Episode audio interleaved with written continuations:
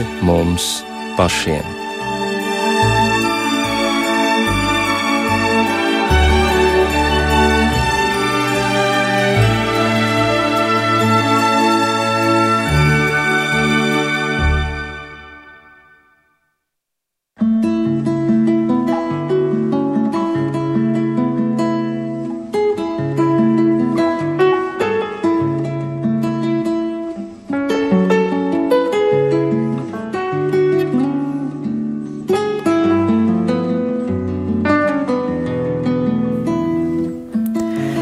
Esiet sveicināti redzējumā pāri mums pašiem, lai ir slavēts Jēzus Kristus. Studijā Inte Zēgnere par skanējumu rūpējas Katrīna Bramberga, bet mūsu raidījuma viesis ir teoloģijas doktors, Latvijas Universitātes humanitāro zinātņu fakultātes profesors Jānis Priedela. Vakar! Labvakar, Inte!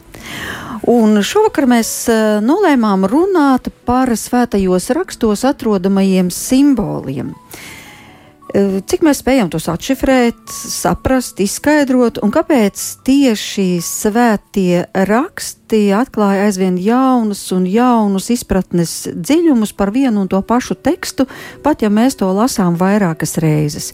Simbolu ir daudz, Un šodien mēs apskatīsim dažus no tiem, gan biežāk, gan retāk dzirdētus, un sāksim ar vienu no pazīstamākajiem simboliem. Un, ja katrs arī no mūsu klausītājiem droši vien šo simbolu būs redzējis mūsu pilsēta vidē, un tas ir balodis. Kāpēc balodim ir parādīts tāds gods? Varbūt mūsu uztverē tas nemaz nav cēlākais putns. Balodis ir brīnišķīgs putns. No ērglis uh, skanētu cēlāk. Bet, Balodis ir tuvs cilvēkam. Īsnībā balodis ir mājputns, un mūsu pašu pilsētās klejojošie baloži ir tādi, par kuriem cilvēki nerūpējās - mājputni. Jo, ja skatāmies, baloži vienmēr audzēja, un viņi vienmēr atgriežas pie cilvēkiem.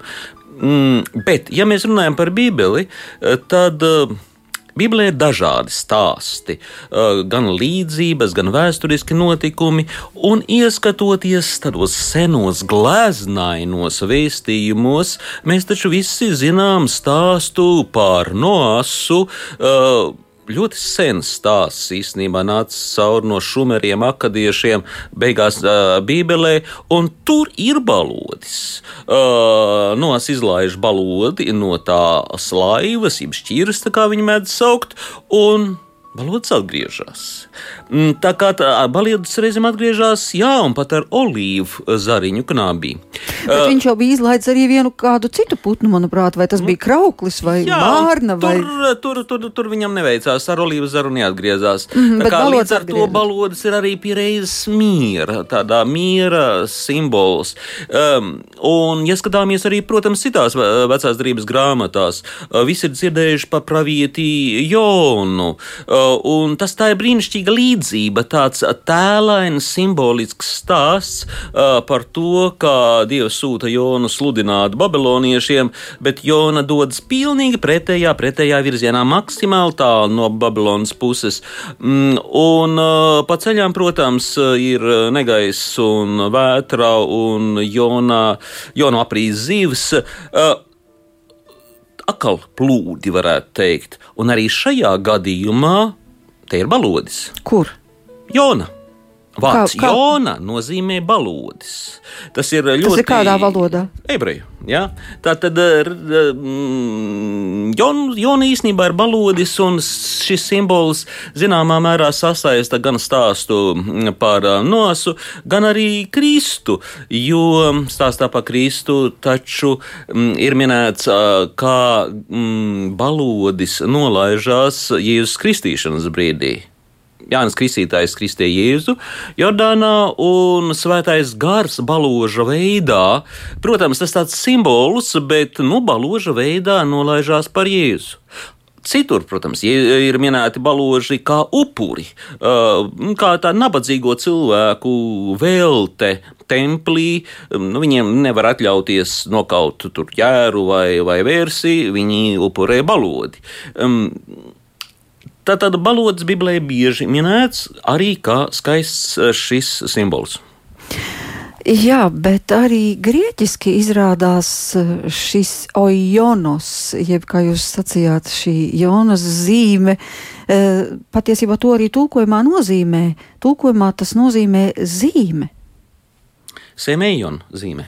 Jā. Semējon. Nu, semējon ir zīme, simbols, jā. Ja? Bet, ja mēs runājam par to, ka svēto garu apzīmē kā balodu, nu, tas ir, mēs to lasām Bībelē, ka tā tad eh, baloža veidā nolaidās svētais gars, tā bija zīme, pēc kura arī atpazina, ka, lūk, šis Jēzus, kas tiek kristīts Jordānā, tad arī ir Dieva dēls. Nu, par to liecina Jānis Kristītājs. Vēl pēc tam mēs atrodam kaut kur Bībelē balodi. Pēc kristībām, tad, kad Jēzus tiek kristīts.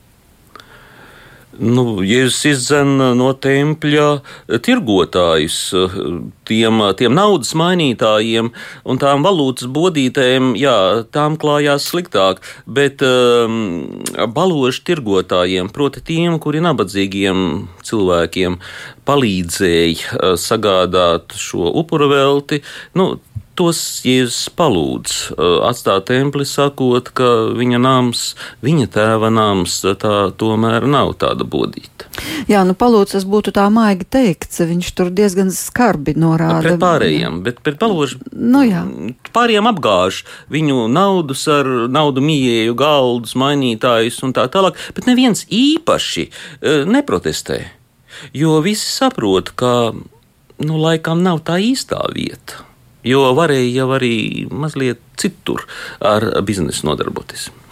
Jā, bet balodis tas nav vienīgais svētā gara simbols. Tas, kad Arī Kas uguns, protams, jā. Uguns. uguns, ja skatāmies, uh, uguns arī ir dieva, dievišķs simbols. Gan vecajā derībā, uh, jo izējot no uh, Ēģiptes, tādu uguns ir Dievs ugunstaba veidā vada pa tumsu naktī savu tautu. Dienā tas ir kā mākoņu stāps, naktī ugunsstaps, uh, zina, uz kuru pusi doties. Mm, bet tad, tad tas ir arī dievišķās klātesamības simbols. Taču, ja skatāmies arī vēlāk, jaunajā derībā, tad um, vasaras svētku dienā svētais gars nolaižās pār apstuļiem ugunsmīļu veidā. Arī šajā gadījumā tas ir simbols. Un iepriekš jau Jēzus bija teicis, ka viņš ir nācis uguni mest uz zemi, un viņš saka, kā es vēlētos, kaut tā jau degtu. Viņš runā par svētā gara uguni, uh, ko viņš vēlas iedegt nu, cilvēku sirdīs. Jā, bet ugunī ir ļoti dažādi konteksti un ļoti dažādas nozīmes, ja mēs uh, lasām svētos rakstus. Jo Protams. ir minēta arī, piemēram, uguns jūra, kas jau pavisam vairs nav svētā gara simbols. Nu, jāsaka tā, uh, mēs arī uh, vienkāršas lietas varam izmantot uh, divējādi. Ar nāzi var sagriezt ābolu un var arī kādam rīkli pārgriezt. Tā tad simbols, mm, kā simbols, um, uguns, protams, var nozīmēt gan kaut ko labu, gan kaut ko sliktu.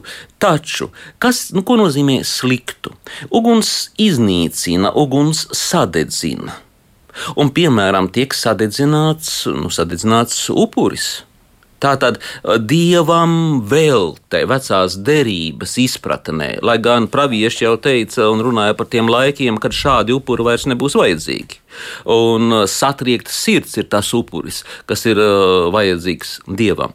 Taču, ja skatāmies uz šo nu, izmantošanu rituālos, tad vecā derībā uguns, protams, tiek izmantots, jo uguns ir tas, kas šķīstī. Un tādēļ par cilvēku tiek runāt, ka cilvēks ir kā zelts kausējumā krāsnī. Viņu attīstīt attīra no visa tā, nu, visiem piemaisījumiem, visām viņu psiholoģiskajām, vai neteiksim psiholoģiskajām, drīzāk morālajām mm, problēmām, kas viņam ir, lai viņš būtu tīrs. Jo Pa dzīvējot, mēs visi esam netīri. Tādēļ uguns ir kā lielisks simbols, kas mūs šķīstī.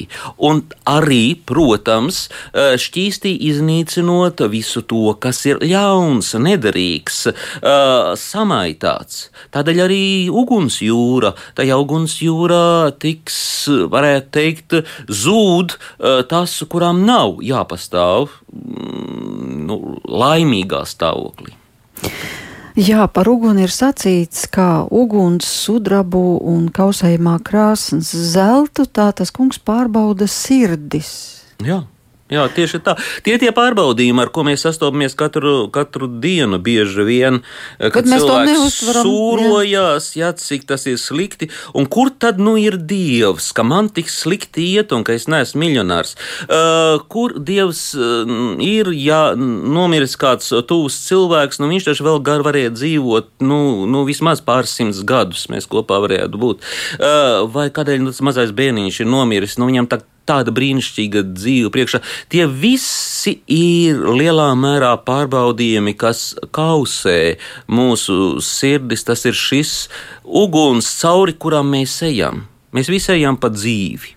Caur, jā, caur šai kausējumai krāsnī, lai beigās mēs būtu nu, kā tiešām tāds zelta gabals, kurām nav klāt visādi netīri pieaugumi. Jo, ja mēs gribam būt vienoti ar Dievu, tad jāsaprot, ka Dievs ir absolūti skaidrs, absolūti labs, daļš, brīnišķīgs. Viņā nav kaut kādu tādu pieaugumu, naida vai tam līdzīgi. Dievs ir absolūta mīlestība. Un, ja mēs gribam būt vienoti ar viņu, sasniedzot savu dzīves mērķi, proti, Dievu, tad arī mums ir jāatbrīvojas no visa tā, kas ir netīrs mūsos. Jo Dievs, svētais gars, jau neienāk tādā cilvēkā, eh, kas ir netīrs. Nu, ko darīs svētais gars netīrā sirdī? Šķīstīs.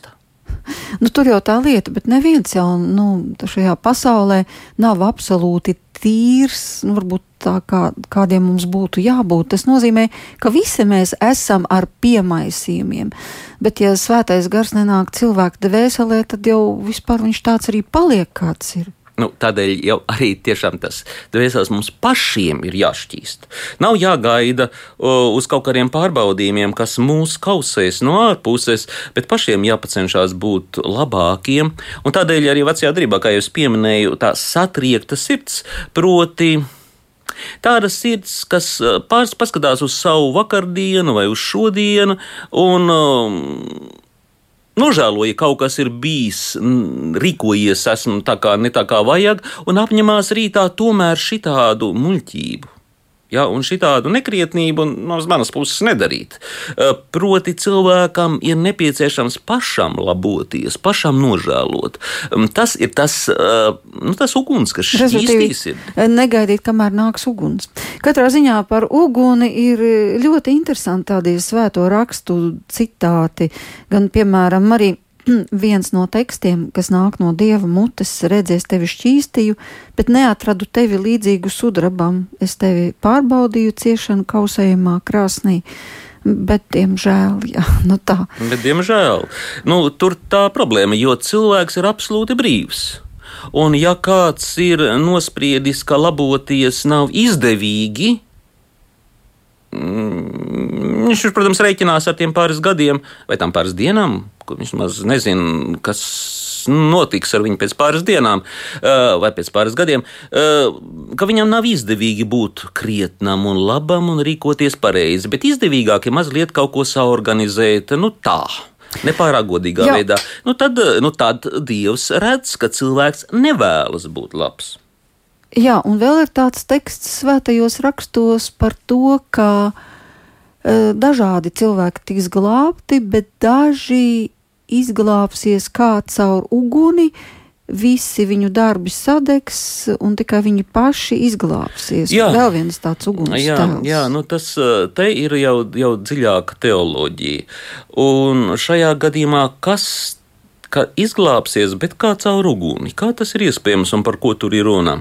Nu, es teiktu, tā, jebkurā baznīcā, nu, teiksim, lielajās baznīcās, luterāņu, katoļu, pareizticīgo armēņu un tā tālāk, visur jau, ka cilvēki lūdzās par, arī par mirušajiem. Ja? Lūdzās par mirušajiem, lai gan, lai gan nu, no godīga protestanta puses varbūt atskanētu jautājums, bet nu, ir tikai debesis un elle, kāpēc tad būtu jālūdzās par mirušajiem?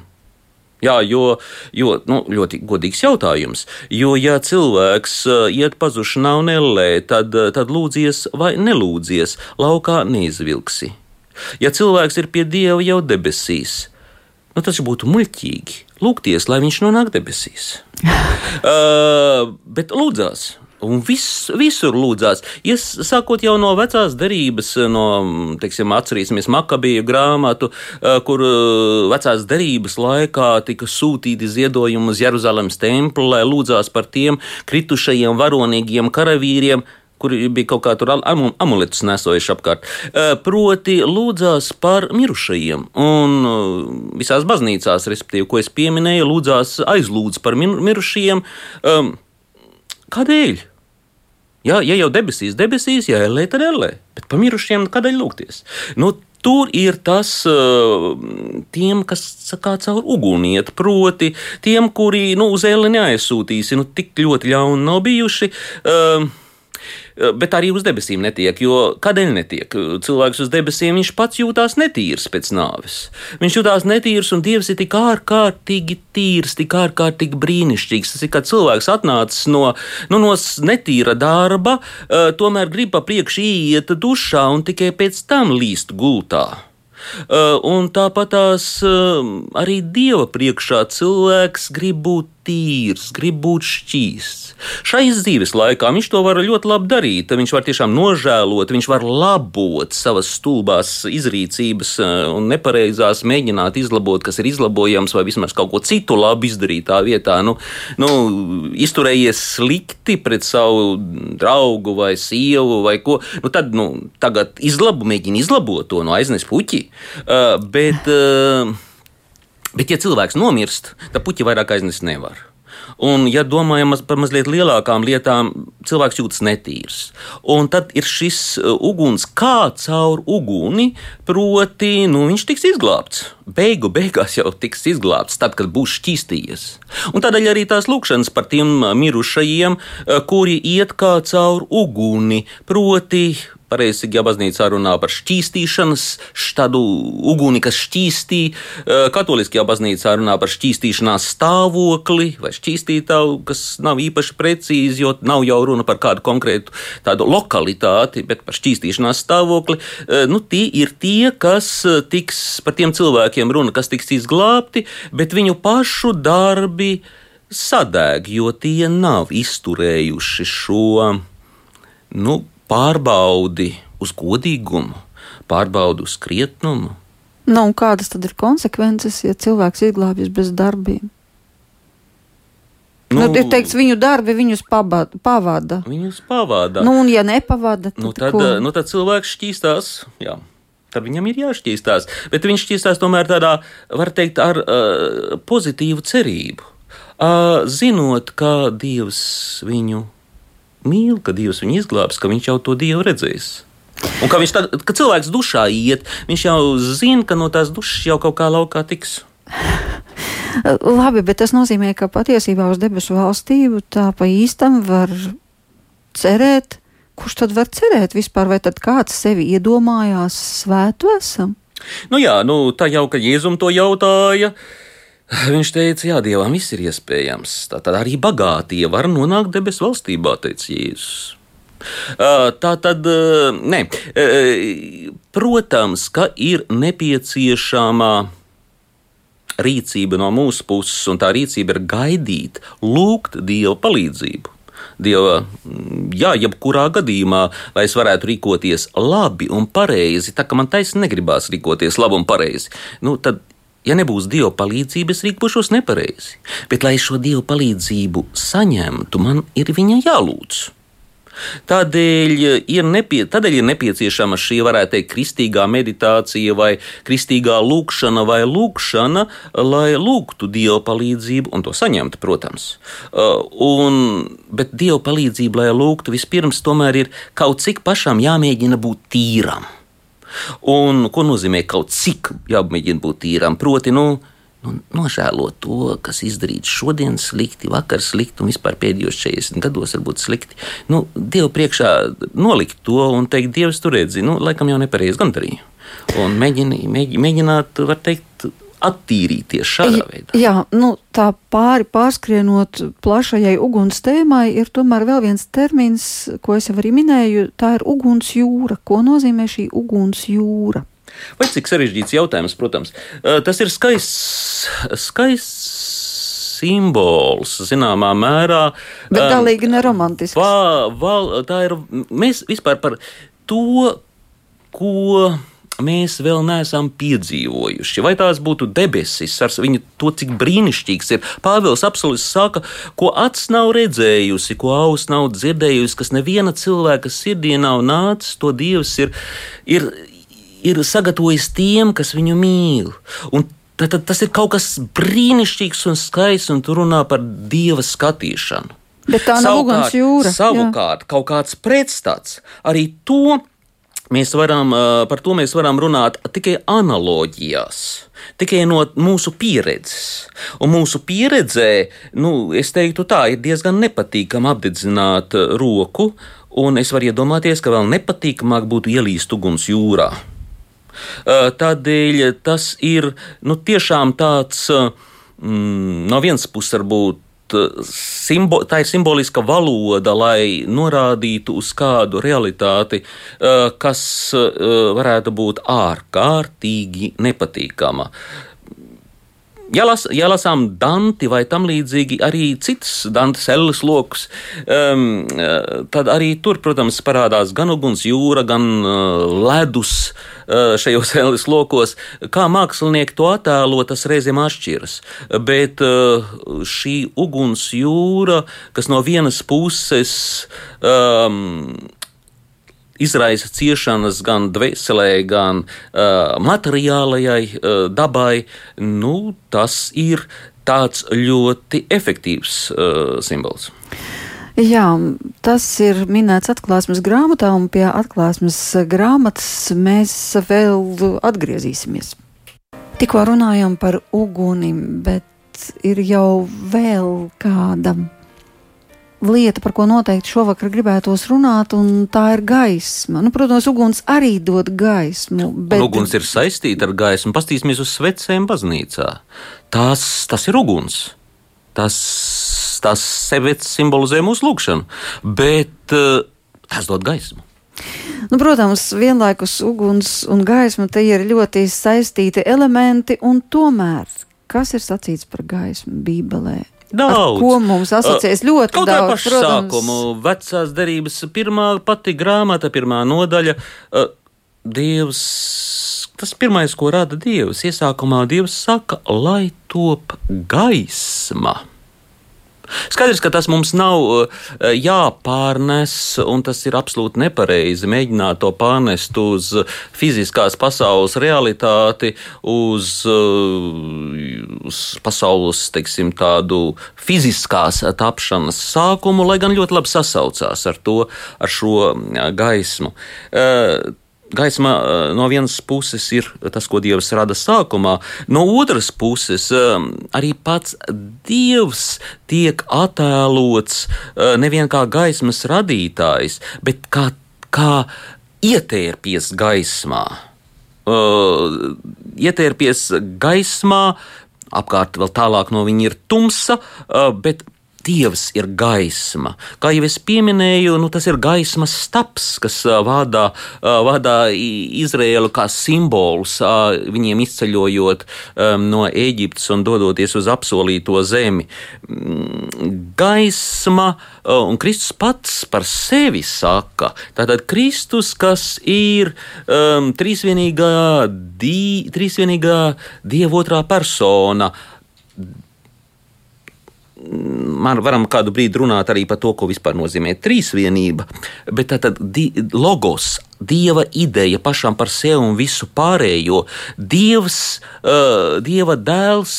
Mm, Radītājs varētu teikt, kas caur kuru viss ir radīts. Jāņa, Jāņa evaņģēlī, pašajā sākumā par Kristu runā kā par to, eh, kas iesākumā bija pie Dieva un kas pats bija Dievs un caur kuru viss ir radīts. Šis Kristus, kad viņš kļūst par cilvēku, viņš saka, es esmu pasaules gaisma. Tad viņš pats par sevi to saka. Un to uh, viņš arī saka par kristiešiem. Uh, jūs esat kā pilsēta kalnā, kā gaisma, kas ir jāliek svečturī, kas ko nepaslēpj zem kaut kādā vāka. Um, proti, gaisma tas ir dievišķības simbols. Jā, bet tīri tādā fizikas izpratnē gaisma tas taču arī ir joprojām līdz galam neizpētīts un neatklāts fenomens. Tāpēc, ka gaismā ir divas dabas. Tā ir gan daļiņa, gan vilnis. Nu, teiksim, es tagad ne, ne, nelūdzu jūs mhm. pēkšņi kļūt par profesoru Fiziki, nē, nē, nē. fizikā, bet... Atklājumi ir brīnišķīgi un lieliski, un es domāju, par gaismu var diezgan daudz pateikt, uh, par fotoniem, uh, bet uh, jāsaka tā, jebkurš elements. Vai nu tā būtu gaisma, vai tas būtu kāda dzīva būtne, kā balodis, vai kā jērs, vai tas būtu uh, cilvēka radīts, teiksim, māja vai templis, kā dieva nams vai tam līdzīgi. Tas viss ir tikai tās um, neredzamās realitātes simbols. Kaut vai, piemēram, templis, Jeruzalemes templis. Ja? Uh, Tas ir brīnišķīgs simbols. Kristus saka, nojauciet šo templi, un trijās dienās es to uzcelšu. Un cilvēks saka, 40 gadus cēla šo templi, ja, un, un, un tu saki, trijās dienās tu uzcels templi. Bet Jēzus runā par savu ķermeni, par savu miesas templi. Tātad tas Jeruzalemes templis ir, ir brīnišķīgs, jauks simbols, kurā, kas atspoguļo realitāti, kas ir Kristus. Un tieši to pašu var teikt par, par gaismu. Gaisma ir brīnišķīgs simbols, uh, un nu, tikpat fiziski reāli uh, kā, kā tas templis, bet, uh, bet tā garīgā realitāte ir kas cits. Nu jā, un ja mēs atgriežamies pie garīgās realitātes, tad bieži vien arī Bībelē ir tāds teksts, tavā gaismā mēs redzam gaismu, pie tevis ir dzīvības avots. Tad kas ir šī tava gaisma? Tavā citu, gaismā, tur, jā. tā, tā, tā ir dieva gaisma kurā mēs redzam gaismu, kas ir pasaules gaisma. Šis ir ļoti skaists, šis psalmu vārdi. Tas, tas ir Dievs, kurā mēs redzam gaismu. Proti, to, kas dos gaismu mums, pasaules gaismu, kas mums dos evaņģīlija gaismu, Kristus gaisma, kas apgaismo, kas, kas ne tikai ir dievišķā tālā, var teikt, uh, gaisma, bet kas ir gaisma, kas Kristus kā persona var būt mums tuvu. Viņš var būt tikpat tuvu kā mans blakus sēdētājs. Tikai ar blakus sēdētāju es parasti runāju, ar Kristu ir vienkārši jāuzdrīkstās, un viņš ir jāuzrunā. Un tad Kristus savu gaismu spēs ieliet arī manī ja es ar kādu runāju, viņš var apgaismot eh, to, ko es nezinu par fiziku vai, vai, vai par citiem jautājumiem. Tāpat Kristus var apgaismot mūs, un, la, bet taču, lai šo, nu, lai šo gaismu saņemtu, šo dievišķo gaismu, šo dievišķo izpratni, nu, tad ir mums jāvēršās pie Dieva. Jā, lūdzu, tas respektīvi. Nu jā, bet piemēram ir arī tāds teksts, ka visu, ko jūs celsiet gaismā, tas kļūs par gaismu. Nu, kā, kā tad to varētu skaidrot? Uh, viss atklāsies. Ja, uh, vis, ja cilvēks kaut ko paņem no tumsas un noliek gaismā, nu, tad tas ir gaišs, tas ir taisnība. Jā, tas ir skaists, skaista līdzība. Vai tas nozīmē arī par grēka nožēlu? Ka kamēr tu e, kaut kur tumsā nu, slēpi savus sliktos darbus, viss tikmēr viņi paliek tumsā. Protams, à, pēc jā. tam viss nāks gaismā. Viss pēc tam, protams, nāks gaismā. Cilvēks uh, parasti domā, ka viņš to, ko ir izdarījis, glabā savā sirdī gadu desmitiem, bieži vien atcerās par to, ai, ai, ai, ai, ai toreiz tā varbūt tā nevajadzēja, vai kā. Uh, bet katrā ziņā tas ir viņā dziļi paslēpts, nevienam viņš to nesaka un, un uh, tas, tas ir viņa tumsā. Bet, bet kas notiks, kad tas nāks gaismā? nu, tad viņam šķiet, ka viņš zaudējis nu, savu, savu cieņu, savu seju, kā saka ķīnieši. Uh, kā uz viņu paskatīsies, ja tas nāks gaismā, bet ļoti daudz kas nāk gaismā. Un tad ir Ja, nepatīkami. jau nāk gaismā, nemaz nevajag uh, knabu vai vēl kaut ko. Daudz kas nāk vienkārši tāpat uh, gaismā, jo meliem ir īsts skaists bieži vien. Uh, Proti, Bet un es- cilvēkam jā. nav patīkami. Bet beigās, kad viss nāks gaismā, visa mūsu dzīve. Tad, tad, tad tas varētu būt ļoti, ļoti, ļoti nepatīkami vienam otram. Un lai tas nebūtu šī nepatīkamība, jā, jāpiedzīvo šis, ka visi zina, kāds zaglis, kāds mēlis, kāds laulības pārkāpējs, kāds nu, pornogrāfijas lietotājs, kas tik ne. Ja tas mm -hmm. cilvēks savā būtībā ir kļuvis savā uh, pavadītajos gados, lai tas viss tā negulētu tā kā tāda netīra lupata visiem acu priekšā, pašā beigās, kad visiem viss būs skaidrs redzams, kad eh, tas mūsu ķermenis jau nespēs apslēpt vairāk jā, eh, to, to realitāti, ka tas nekas nav pazudis. Tā viss ir realitāte. Tādēļ. Tieši tādēļ cilvē, nu, teiksim, kristietība māca cilvēku nožēlot eh, to iepriekš un arī atzīties savā vainās, atzīties dievam. Un, protams, arī katoļiem, pareizīgiem un, un citām senajām baznīcām ir iespēja arī atzīties arī baznīcai, ā, atzīties priesteriem, jo neviens grēks.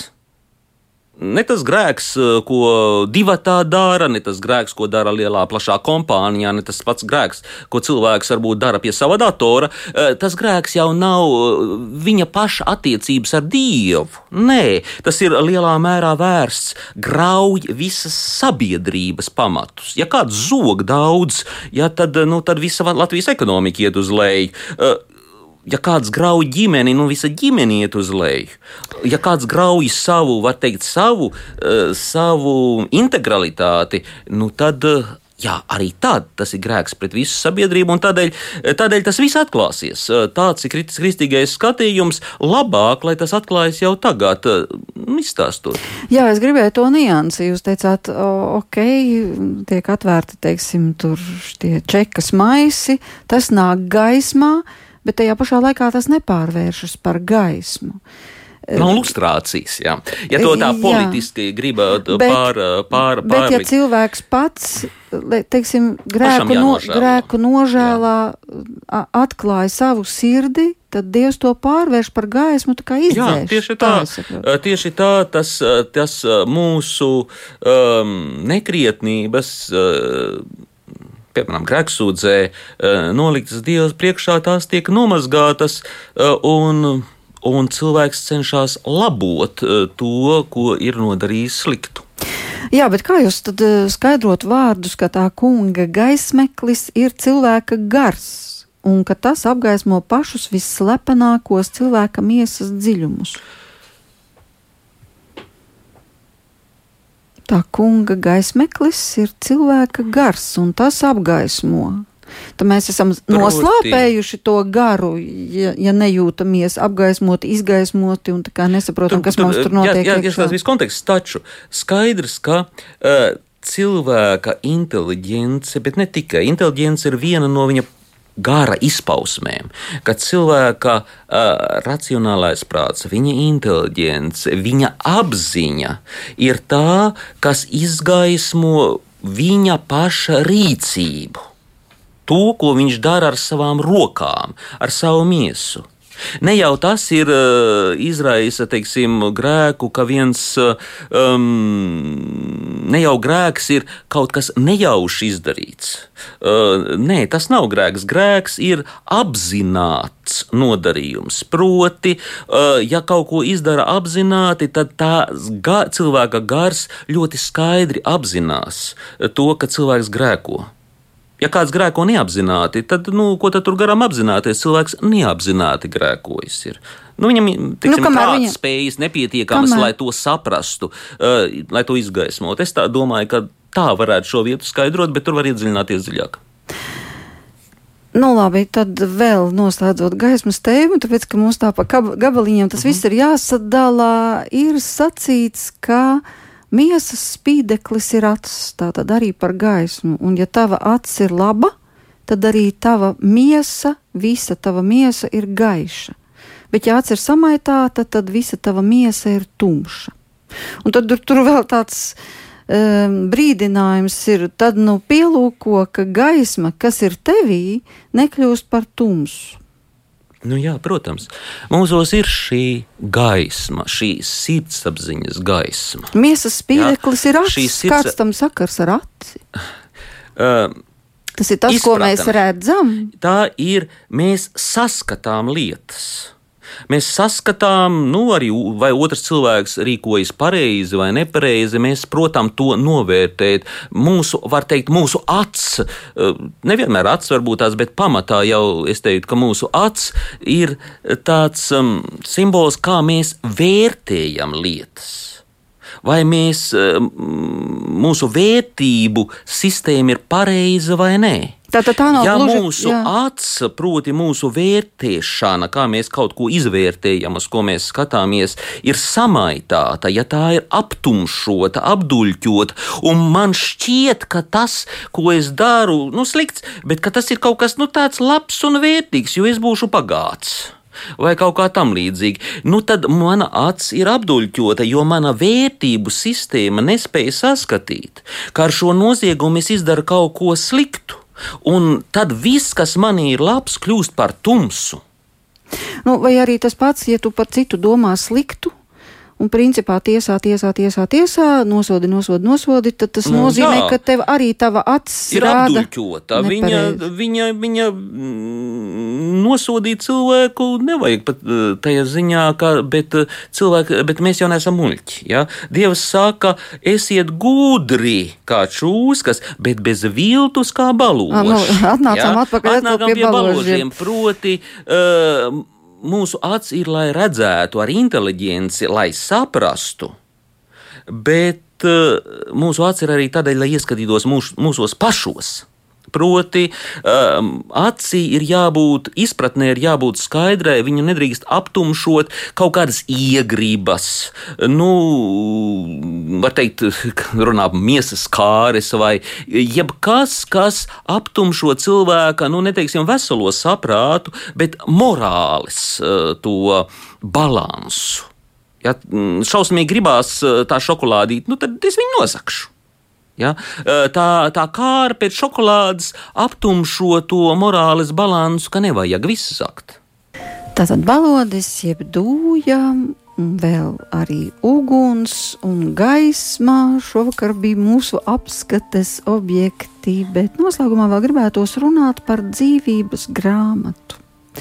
Kur mēs sastopamies ar šo jēdzienu dzīvības grāmata un ko tas īsti nozīmē? Ja tā tīri nu, tēlainās gleznās, tad tēlaina, brīnišķīga tēlaina glezna ir um, šis stāsts par cilvēka grēkā krišanu. Proti, Dievs rada cilvēku brīnišķīgu, rada apveltītu ar mm, nu, brīvu gribu, nemirstīgu dvēseli un ciešu vienotību ar Dievu, mīlestības pilnām attiecībām. Un ko dara cilvēks? Cilvēks sajauc tās attiecības gan ar, gan ar savā starpā Ādams un Ievu, ja tur vaino Nu viens jā, otru.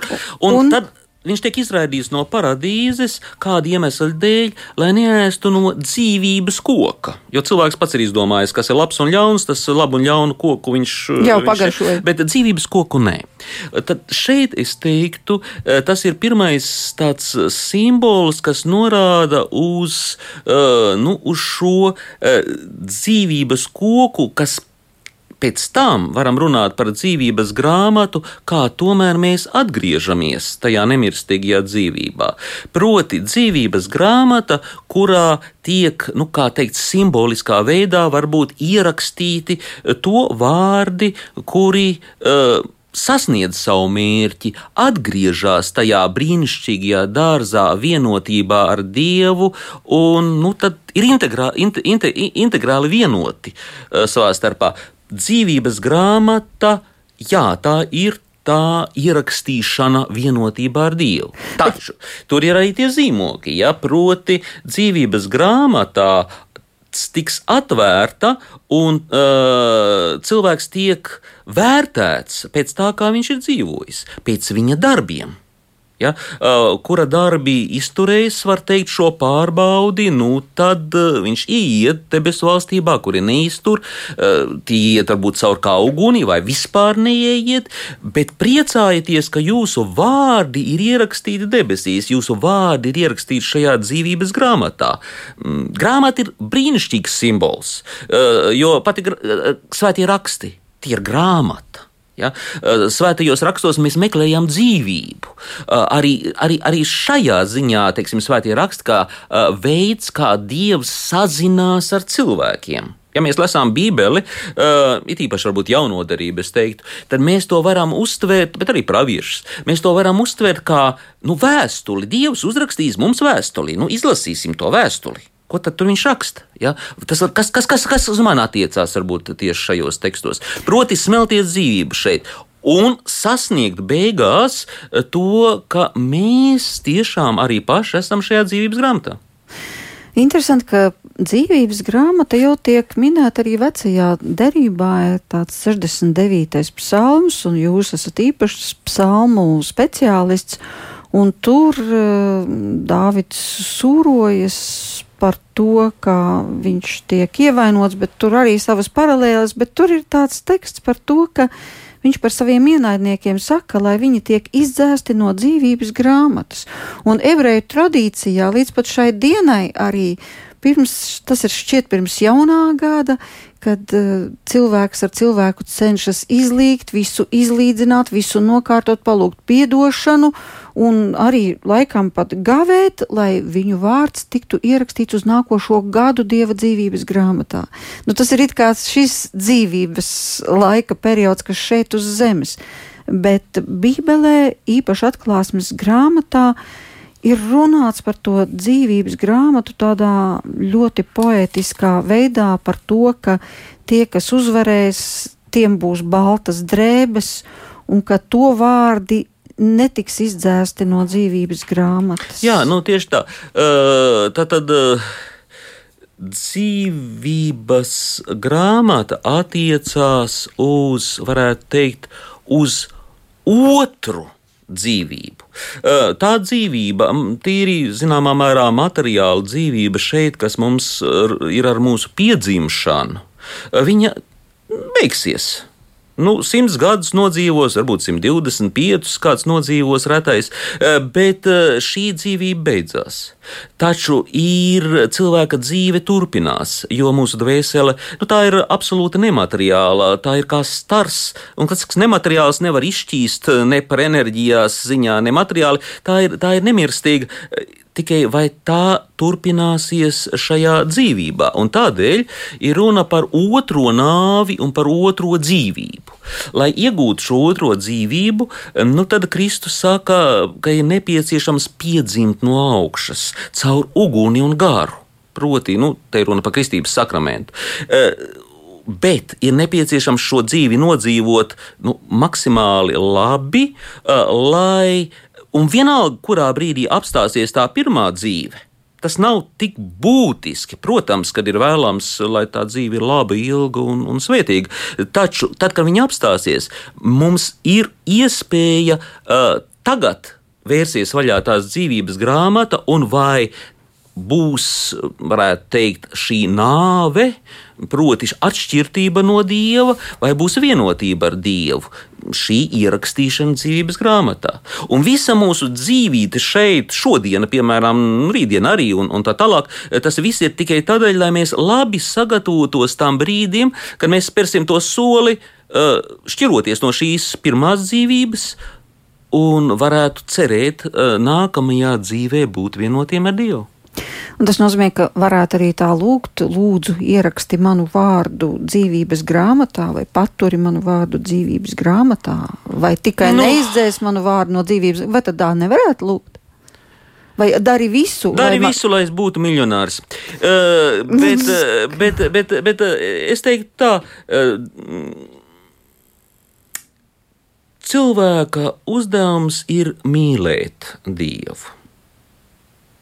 Un, ja mīlēt Dievu un mīlēt tuvākos, tas ir tas Kristus bauslis. Tas nav egoistisks bauslis. Uh, tas iekļauj sevī mīlestību pret sevi pašu, protams, mīlēt tuvāko kā sevi pašu. Mm -hmm. Bet tas nenozīmē šausmīgi rūpēties tikai un vienīgi par sevi pašu. Tas nozīmē mīlēt eh, tuvākos, mīlēt dievus. Ja mēs mīlējam Dievu, ja mēs eh, iesim šo ceļu, mīlestības ceļu gan pret tuvākajiem, gan pret Dievu, tad nebūs jālūdzās ieraksti mani vēl uz nākošo dieniņu vai uz nākošo gadiņu. Nē, ne uz mūžību. Grāmatā. Uz mūžību. Uz mūžību. Tā ir, protams, cita lieta, bet, lai tur nonāktu, ir jārīkojas. Labi, labs novēlējums šim vakaram. Lielas paldies, ka bijāt šajā raidījumā kopā ar mums, raidījumā pāri mums pašiem. Mūsu viesis bija teoloģijas doktors, Latvijas Universitātes humanitāro zinātņu fakultātes profesors Jānis Priede. Kopā ar jums šovakar bija Inte Zēgnere, par skanējumu rūpējās Katrīna Bramberga. Lai jums ir jauka nākošā nedēļa, un par simboliem gan jau vēl turpināsim.